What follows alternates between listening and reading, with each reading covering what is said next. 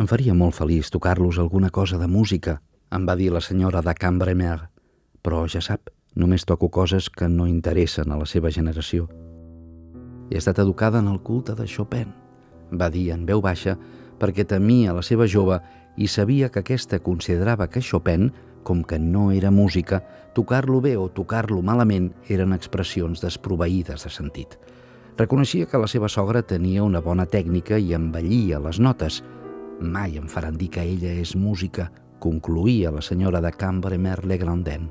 perquè es creia avançada i, solament en art, mai prou a l'esquerra, deia, es representava no només que la música progressa, sinó que ho feia en una sola línia i que Debussy era, en certa manera, un super Wagner encara una mica més avançat que Wagner.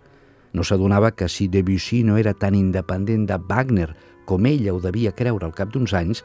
perquè de tota manera fem servir les marques conquerides per acabar d'alliberar-nos d'aquella qui momentàniament hem vençut, tot i això mirava després de la societat que començàvem a tenir de les obres massa completes en què tot està expressat, de contentar una necessitat contrària.